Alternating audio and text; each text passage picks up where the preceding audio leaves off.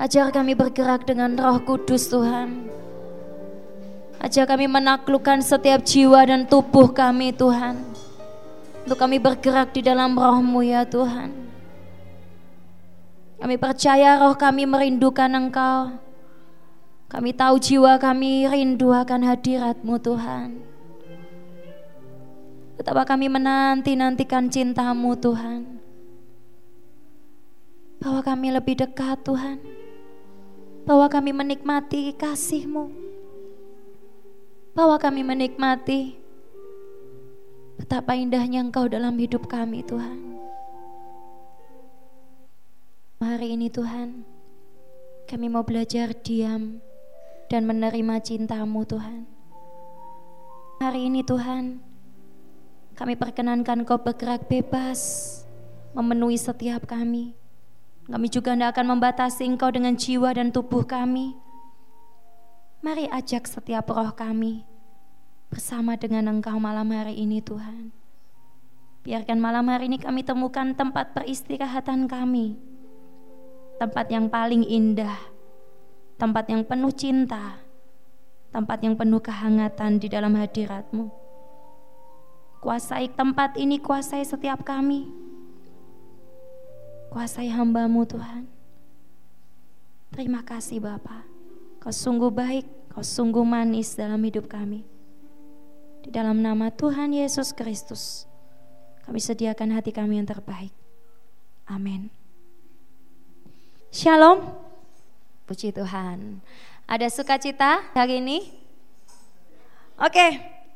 Kita mau sama-sama merenungkan firman Tuhan hari ini. Ayo kita buka sama-sama di 1 Tesalonika 5 ayat yang ke-23. 1 Tesalonika 5 ayat yang ke-23. Kita baca sama-sama. 1 Tesalonika 5 ayat yang ke-23. 2 3. Semoga Allah damai sejahtera menguduskan kamu seluruhnya. Mm -mm Ya, saya tertarik saya cari ayat ini. Semoga roh, jiwa, dan tubuhmu terpelihara sempurna. Kasih salam kanan kiri. Semoga roh, jiwa, tubuhmu terpelihara sempurna. Roh, jiwa, tubuhmu terpelihara sempurna. Ya, terpelihara sempurna itu sehat.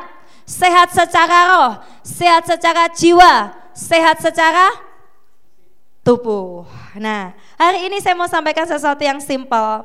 Saya dipesankan Tuhan untuk kita sampaikan bagaimana kita sebagai anak-anak Tuhan di tempat ini di CMC belajar menerima cinta. Belajar menerima cinta. Siapa sih yang tidak suka dengan yang namanya cinta? Semuanya suka, betul? Semuanya senang dicintai dan ingin dicintai. Tapi cinta seperti apakah yang kita inginkan? Ya kebanyakan anak-anak yang tertolak anak-anak yang tidak punya orang tua mereka begitu menginginkan cinta dan ketika mereka dewasa mereka tidak bisa ditolak sedikit aja nggak bisa ketika kita misalnya dia minta tolong sesuatu kita menolaknya oh dia langsung sangat terluka gitu ya. Demikian juga dengan nasib anak yang kedua, anak yang ketiga yang selalu dapat lungsuran baju, lungsuran sepatu ya, sudah elek jebol dijahit berkali-kali gitu ya. Lungsuran seragam, lungsuran buku. Nah, ini terluka. Ketika nanti ketika dalam Tuhan dia berkata, ya memang begini, anak kedua, anak ketiga dengan Tuhan aku ini juga anak kedua gitu, anak ketiga. Pasti Tuhan tidak berikan yang terbaik buat aku. Pasti sisa-sisanya. Kalau dapat cowok pasti dapat cowok. Kalau dapat cewek pasti dapat cewek yang sisa-sisa gitu ya. Kalau aku nanti dapat rumah, ya pasti Tuhan kasih yang jelek-jelek. Kita selalu curiga, inilah yang menyebabkan kita tidak bisa mengalami cintanya Tuhan. Hari ini saya mau sampaikan di dalam hidup kita di dunia ini paling lama kita 70 80 tahun ya, 90 tahun itu kasih karunia yang luar biasa.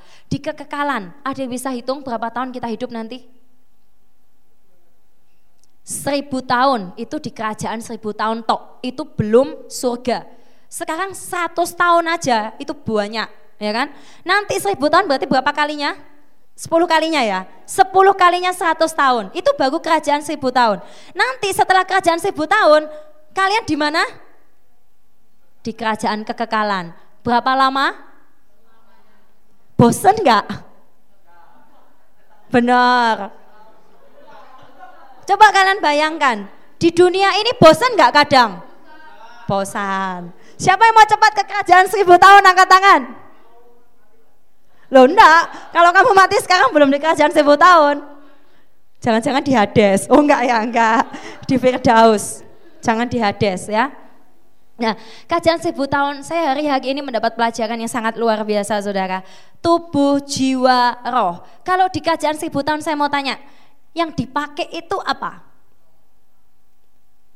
Tubuh roh apa tubuh seperti sekarang? Tubuh sekarang, betul? Kalau di kerajaan seribu tahun, kita akan memakai tubuh kemuliaan. Tubuh yang disempurnakan kan. Saya mau kasih satu rahasia. Di kerajaan seribu tahun, kalian wajahnya juga sama seperti ini. Tetap ganteng gitu ya. Yang jelek, aduh menyesal. Kenapa anda berubah wajah gitu ya. Andaikan saja berubah gitu ya. Seperti Tom Hanks, Vanessa Hu dan lain sebagainya gitu ya. Nah, saya mau kasih tahu di kerajaan seribu tahun, wajah kita tetap sama tetapi roh kita, tubuh roh kita tuh disempurnakan. Yang sekarang pendek di sana ideal. Yang sekarang merasa kegemukan di sana ideal, langsing. Yang di sana ketinggian dipendekkan ya. Yang di sana penuh kukul, di sana bersih. Kalau di sini tidak bisa menari, tubuhnya kaku, di sana tidak kaku. Nah itu tubuh kesempurnaan, tubuh yang disempurnakan. Nah saya mau bicara, selama hidup di dunia, kita selalu punya yang namanya tiga hal yang menjadi satu dalam hidup kita. Yang pertama apa? Roh, jiwa, tubuh. Yang paling nakal itu apa? Yang paling baik itu apa? Terus jiwa, kadang baik, kadang jelek. Ya, jiwa tidak menentu bergelora bagaikan badai lah itu jiwa. Ya, tapi yang namanya roh, roh itu penurut. Kalau kita semua keluar dari tubuh ini lalu kalian ibadah ke tempat ini, oh saya percaya ini adalah ibadah yang paling luar biasa. Roh-roh kalian itu luar biasa. Roh-roh kalian itu haus akan Tuhan, cinta akan Tuhan. Betul. Karena roh kalian itu dulu asalnya dari Tuhan. Tubuh asalnya bukan dari Tuhan dulunya. Diciptakan ketika 9 bulan di perut mamahmu itu tubuh. Tapi ya roh itu berasal dari Tuhan. Dan itu begitu sempurnanya. Nah hari ini saya mau ajarkan bagaimana menjadi manusia-manusia roh. Manusia baru di dalam Tuhan. Mau jadi manusia baru dalam Tuhan? Mau ya? Manusia baru itu beda. Ketika engkau menghadapi masalah yang dulunya suka marah, ketika engkau kenakan manusia roh, manusia baru, sikapmu akan beda. Ketika engkau dilukai, Engkau hanya senyum dan berkata, Tuhan mengasihimu. Tidak apa-apa. Kalau misalnya kita diputus pacar gitu ya, reaksi kita gimana? Tak apa-apa. Mungkin jalan Tuhan bukan jalanku, ya kan? Dan kita sebagai manusia di bumi ini yang cuma 60-70 tahun, kita harus hidup menurut roh. Kalau tidak, maka kita di kekekalan, ingat ya, gambaran di kekekalan itu harus terjadi sekarang. Siapa di kekekalan kok ingin jadi pemerintah atau ingin jadi jongos? Siapa yang mau jadi raja-raja di kekekalan? Angkat tangan. Duduk bersama penatua-penatua memerintah para malaikat. Mau? Kalau gitu di bumi juga harus lakukan yang sama. Kalau di bumi aja engkau tidak bisa menaklukkan dagingmu, apalagi engkau nanti di surga, engkau tidak akan jadi apa-apa. Saya dapat janji yang luar biasa saudara, tempat ini kita akan dilatih oleh Tuhan untuk menjadi penakluk bumi. Dan ketika engkau menjadi penakluk bumi dalam bidang usaha, pelayanan, kerohanian, kesehatan, apalagi seni, engkau taklukkan bumi ini, maka di surga hal yang sama akan terjadi. Engkau akan jadi raja-raja di sana. Oleh karena itu mari saya mau ajarkan, mari mulai bergerak di dalam roh. Di dalam roh, manusia roh itu bukan ngeroh, dapat dapetan gitu ya sedikit-sedikit wah aku rasa aku rasa enggak manusia roh ini adalah manusia yang bertumbuh secara roh di dalam dunia roh ini saya bicara tentang dunia roh Usia kalian tuh beda-beda. Mungkin Anton boleh usia 18 tahun. Oh 19 tahun. ya. Tetapi di dalam dunia roh, usia kedewasaan roh itu adalah 17 tahun. Kesempurnaan roh itu 33 tahun. Karena itu Yesus dia sampai 33 tahun ya di dunia ini. Nah, jangan harap engkau bisa bertumbuh secara roh, engkau boleh tua, engkau boleh ubanan, engkau boleh profesional muda, tapi jangan harap di dunia roh engkau juga profesional muda. Di dalam dunia roh usia kita itu berbeda. Sekarang saya mau ajarkan, coba melihat diri kalian secara roh. Kalian usia berapa? Saya kasih tahu. Umur 4 tahun di dalam roh bisa nggak jadi seorang ibu? Umur 10 tahun bisa nggak jadi seorang ibu? Maybe yes, maybe no. Umur 4 tahun bisa nggak jadi kakak untuk adiknya yang usia satu tahun? Kalau kita rindu pelipat kali gandaan di tempat ini, di gereja ini, akan ada pembapaan, akan ada penggembalaan yang sip, yang luar biasa, di mana jiwa-jiwa itu ditangkap. Satu syaratnya, engkau harus jadi kakak dan harus jadi ibu dan bapak. Bagaimana kan bisa jadi ibu dan bapak kalau kalian tidak pernah diajari gimana caranya jadi ibu dan bapak. Tetapi sebelum itu kalian harus jadi kakak minimal semua di tempat ini jadi kakak. Engkau yang gembala KTB, engkau boleh jadi kakak, engkau boleh bergelar sebagai ibu rohani. Tetapi di dalam roh belum tentu usiamu cukup untuk jadi seorang ibu. Saya kaget saudara, betul. Gereja Tuhan tidak banyak ada bapak, ada banyak ibu. Makanya anak-anak rohaninya itu anak-anak yang kecil, anak-anak yang cepat merotol, anak-anak yang tidak punya mental pahlawan. Nah, saya percaya tempat ini akan punya ibu, akan punya bapak-bapak, ibu-ibu yang luar biasa. Amin. Yaitu saya, kalian, pembimbing-pembimbing yang ada, kalian akan jadi ibu-ibu dan bapak-bapak. Tetapi dunia roh ini mengandung banyak rahasia, saudara. Saya bicara dulu, menerima kasih kembali ke topik. Roh kita itu gampang disentuh. Tetapi masalahnya jiwa kita ini terluka. Jiwa kita ini suka sekali menolak kasih dari Tuhan. Berapa banyak di antara kita, kita susah menerima cinta dari Tuhan, menerima cinta dari orang lain. Tapi ketika kita dicintai, gitu ya, kita mulai merasa curiga. Saudara, selain kau belajar menerima cinta, yang kedua, belajarlah ditolak. ya bukan berarti cinta ya artinya bukan berarti erosto ini bukan berlaku erosto belajarlah mengalami kesakitan mengalami kesakitan tuh memang tidak enak. Tetapi di dunia ini pasti engkau akan mengalami kesakitan. Belajarlah mengontrol jiwamu. Belajarlah menerima kesakitan itu. Entah engkau merasa tertolak oleh siapa saja. Engkau merasa tidak dicintai oleh kakakmu misalnya, tidak dicintai oleh mami KTBmu, tidak dicintai oleh gembalamu, ataupun engkau dicintai. Karena cinta itu begitu luar biasa. Cara orang mencintai seseorang itu beda-beda. Cara saya mencintai Gilang dan mencintai Wendy itu berbeda.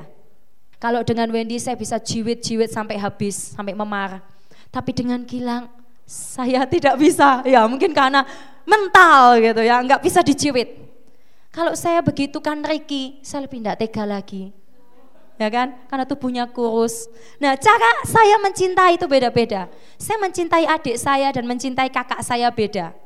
Kalau dengan kakak saya saya tidak memanjakan, gitu ya. Tapi kalau dengan adik saya saya memanjakan. Cara Tuhan mencintai kita beda-beda. Belajarlah menerima cinta yang spesifik hanya buat kamu.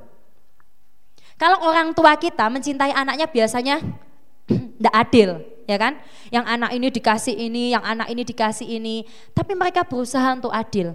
Tetapi cinta Tuhan itu bukannya tidak adil, dia tahu porsi yang tepat. Sekarang saya mau tanya, renungkan. Kalian sudah merasakan cinta Tuhan buat kalian secara pribadi enggak? Spesifik, unik, spesial untuk kamu seorang. Yesus itu roh enggak? Yesus itu ada berapa sih? Yesus itu cuma satu. Sekarang saya mau tanya. Yesus dicintai oleh saya saja atau oleh kalian? Yesus dicintai semua. Yesus mencintai saya atau atau Yesus juga mencintai kalian? Berarti Yesus terbagi-bagi dong. Kalau gitu cintanya Tuhan Yesus terbagi-bagi enggak? Kalau gitu kita bisa memiliki Yesus secara utuh nggak? Bener? Nah kalau misalnya kamu tidur, kamu bilang Tuhan peluk aku. Terus aku di kamar juga, Tuhan peluk aku. Kira-kira Tuhan peluk yang mana?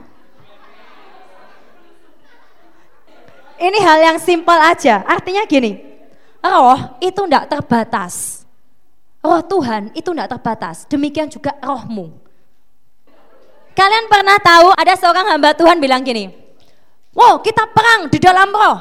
Lalu mereka menghadapi ular naga di satu laut Lalu mereka dalam roh mereka berdoa, mereka bergandeng tangan. Tiba-tiba roh mereka keluar bawa pedang, lalu mereka melawan ular naga itu dan memutus kepalanya. Waktu saya dengar itu saya lucu, hihi kayak film gitu ya.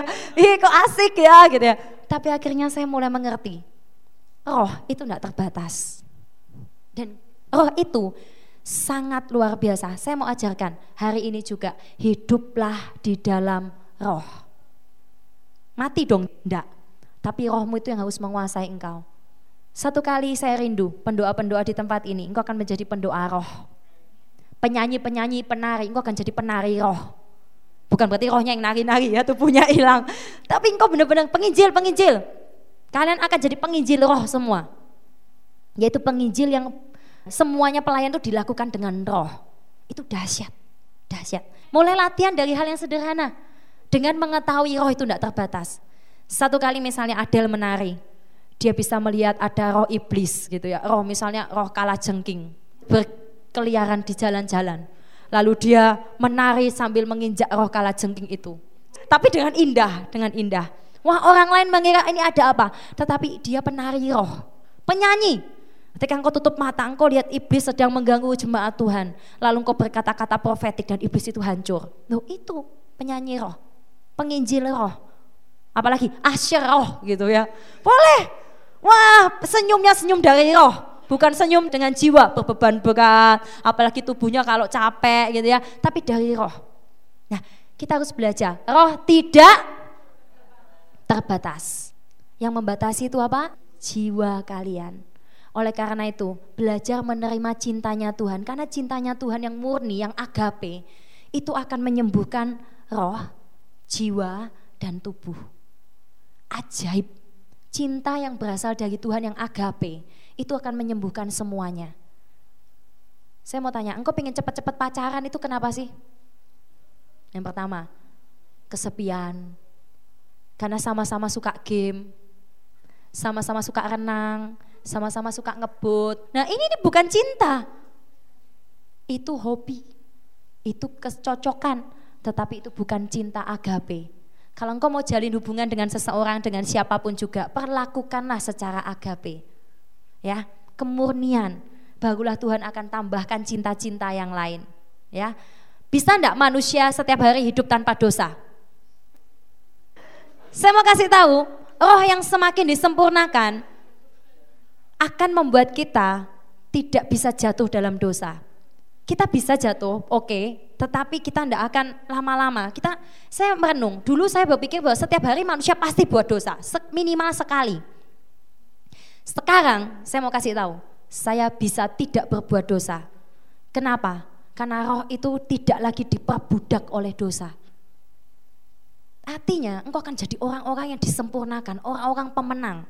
Dari pagi perkataanmu berkat, penuh kasih.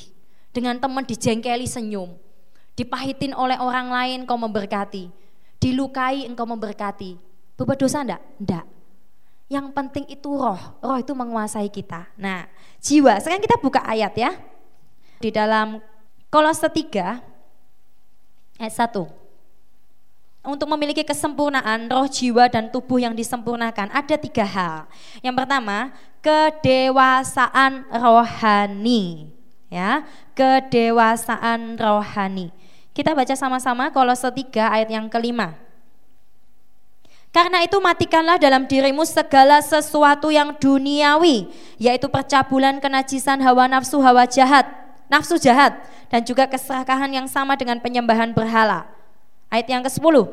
Dan telah mengenakan manusia baru yang terus menerus diperbaharui untuk memperoleh pengetahuan yang benar menurut gambar kaliknya. Mengenakan manusia baru. Mengenakan itu seperti memakai baju, kelihatan. Ya, Kalau engkau mengenakan manusia baru, itu kelihatan, orang kan lihat. Cara senyummu aja beda. Cara engkau menatap seseorang aja beda. Bukan penuh kegenitan gitu ya. Cara menatapnya penuh wibawa. Cara engkau presentasi di depan. Cara engkau menyanyi. Cara engkau menari. Semuanya akan berbeda. Ketika engkau mengenakan, itu kelihatan. Jadi seperti baju, seperti jubah engkau kenakan yang terus menerus diperbaharui. Saudaraku, saya begitu rindu. Yang pertama, kedewasaan rohani. Saya mau pacu, saya mau katakan, ayo grow up, dewasa. Jangan berpikir anak-anak lagi. Jangan berpikir picik, jangan berpikir sempit, jangan berpikir dangkal yang hanya memikirkan perkara-perkara duniawi. Karena perkara duniawi ini kan hancur, lenyap. Kita harus ikut Tuhan. Kita harus ikut Tuhan. Amin. Saya mau tanya, siapa yang mau berikan hidupnya total buat Tuhan? Angkat tangan. Nah, kalau kalian berikan hidup total buat Tuhan 60 tahun, 70 tahun ini, maka kalian akan di surga mendapatkan upah yang sangat besar, duduk di pemerintahan raja-raja ya itu pasti terjadi kedewasaan roh. Yang kedua, kematangan jiwa. Jadi bagaimana memperoleh kesempurnaan roh jiwa tubuh? Yang pertama, kedewasaan roh. Rohnya harus dipulihkan. Rohnya ini baik ya. Jadi gini, supaya dewasa roh dulu, ini harus dikasih makan. Harus dikasih makan.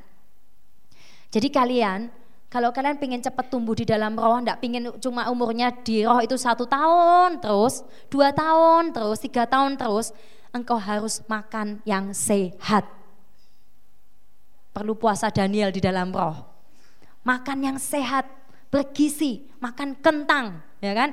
Kentang rebus, telur rebus, ya kan? Sehat roh material.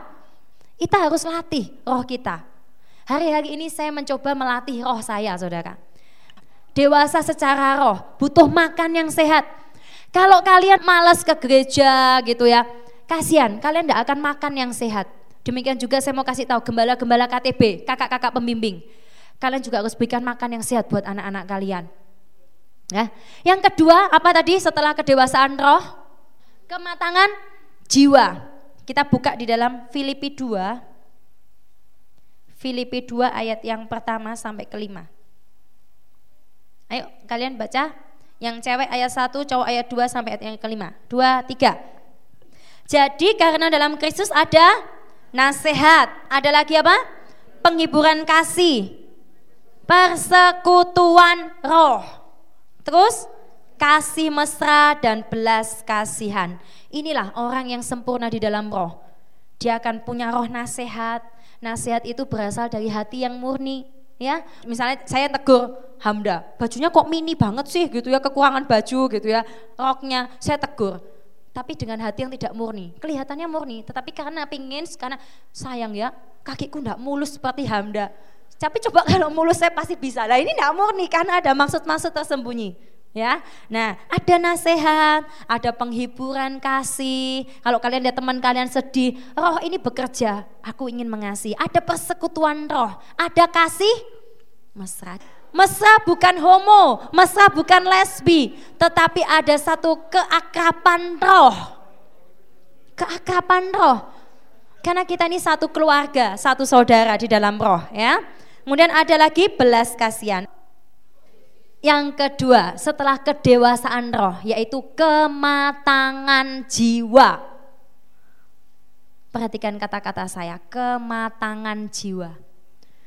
Kalian, saya, ini butuh kematangan jiwa. Saya beberapa tahun diproses Tuhan di masalah jiwa, saudara. Yaitu karena saya dulu penuh dengan luka. Akhirnya membuat saya semakin matang. Ketika saya lihat orang terluka, saya tidak ikut terluka tapi saya bisa peluk dia dan katakan, Cece tahu apa yang kamu rasakan. Ini matang.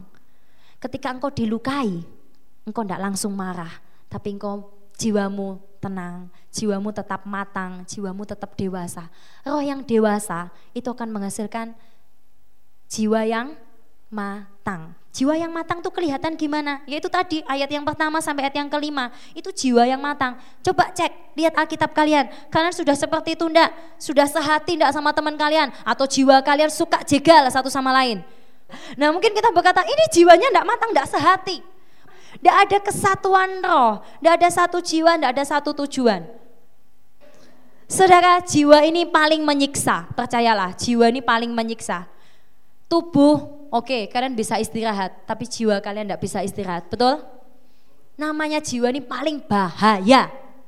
Karena jiwa itu akan menentukan kamu akan menarik ke rohmu atau kamu akan memutuskan untuk ikut tubuhmu. Itu jiwa. Ketika jiwamu dapat engkau kuasai, maka roh ini akan bekerja sama dengan jiwa dan menghasilkan hal yang dahsyat untuk kerajaan Tuhan. Tapi kalau engkau tidak bisa menguasai jiwamu, maka jiwamu ini akan merusak sekali. Merusak sekali. Ketakutan itu berasal dari mana? Jiwa. Kesepian berasal dari mana? Minder dari mana? Takut gendut, takut kurus berasal dari mana? Merasa jelek, merasa ganteng berasal dari mana? Semua berasal dari jiwa. Merasa tertolak, merasa terluka itu jiwa. Nah, ayo punya jiwa yang matang.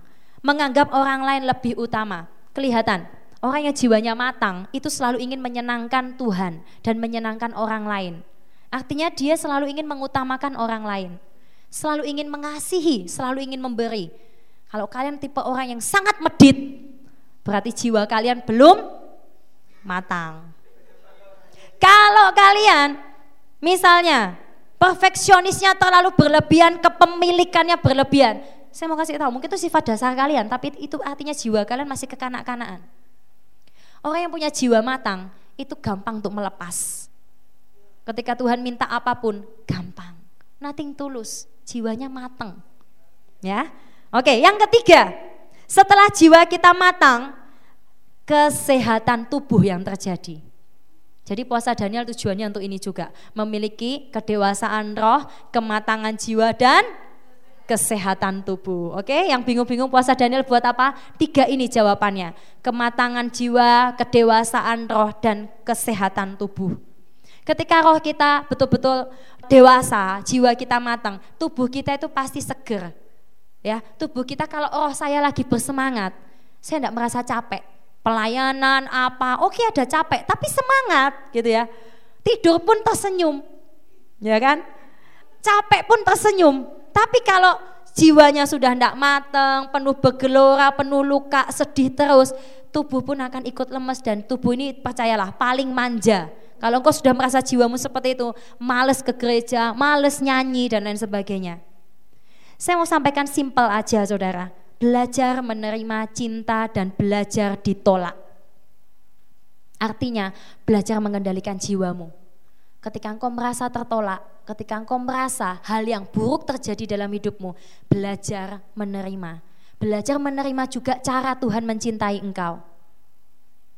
Mungkin ada orang di tempat ini yang masih merasa belum dicintai sama Tuhan? Jawab dalam hatimu masing-masing. Temukan cinta yang pribadi. Dulu ketika beberapa tahun lalu, saya menemukan Tuhan, dan saya berbahasa roh dengan Tuhan gitu ya ngomong-ngomong. Saya dibawa Tuhan ke satu taman saudara beberapa tahun lalu. Dibawa ke satu taman di situ hanya ada saya dengan Tuhan. Dan saya berkata, Tuhan tempat ini jadi tempat rahasiaku ya. Tempat secret place antara aku dan engkau. Ketika aku capek, aku akan datang ke sini. Dan aku akan selalu mendapati engkau. Tetapi mulai tahun demi tahun, saya kadang lupa bahwa saya punya tempat rahasia dengan Tuhan. Saya mau kasih tahu, hari-hari ini saya juga mengalami tempat rahasia dengan Tuhan. Tempat itu begitu indah. Mungkin saya tidak bisa lihat dengan mata jasmani, tapi saya pastikan roh itu tidak terbatas. Ingat itu, roh kalian itu tidak terbatas. Kalau kalian jadi manusia roh, kalian bisa tembus ini, kalian bisa lewati waktu, batas waktu, kalian bisa mengintip saya di kamar, jangan dilakukan gitu ya. Itu kalau roh, roh ya. Kalian akan tahu apa yang saya lakukan di kamar. Apa yang dilakukan Antonius gitu ya. Dia menulis surat cinta buat siapa, buat siapa akan ketahuan gitu ya. Nah, itu manusia roh. Dan kalau itu digabungkan dengan jiwa, digabungkan dengan tubuh, maka yang harus berkuasa adalah roh. Ya. Nah, itu yang mau saya sampaikan. Terima kasih Tuhan. Kau bawa kami hanyut di dalam cintamu Tuhan. Ajar kami setiap hari hidup dalam hadiratmu. Kusukai hadiratmu, kami suka hadiratmu Tuhan. Kami senang bagaimana cara engkau mencintai kami. Cara engkau memandang kami. Cara engkau menyentuh kami. Cara engkau memeluk setiap kami begitu erat Tuhan. Cara engkau mencium setiap kami itu menyembuhkan semua luka-luka kami Tuhan. Kami mau belajar punya hubungan yang lebih intim dengan Engkau Bapa di tempat rahasia kita. Terima kasih buat pahlawan-pahlawan Tuhan di tempat ini Tuhan. Kami percaya mereka lah orang-orang yang kau pilih, yang kau tentukan untuk menaklukkan bumi ini. Untuk memerintah bersama-sama engkau di kekekalan dan ini hati kami, jiwa kami, tubuh kami taklukkan Tuhan. Supaya kami boleh jadi milikmu seutuhnya. Sama seperti engkau menjadi milik kami seutuhnya. Kami tidak pernah ditinggalkan. Hidup kami buat engkau Tuhan. Terima kasih Bapak. Kami selesai. Biarkan Tuhan hubungan kami dengan Engkau tidak selesai boleh kami lanjutkan terus dalam hidup kami. Semakin kami jatuh cinta dengan Engkau, semakin kami mengasihi engkau dan mengasihi sesama kami dengan lebih tulus, dengan agape, dengan kasih yang murni. Terima kasih Tuhan. Kami mengucap syukur di dalam nama Tuhan Yesus Kristus. Mari kita yang mengalami kasih Tuhan dan mau menerima cintanya katakan sama-sama amin.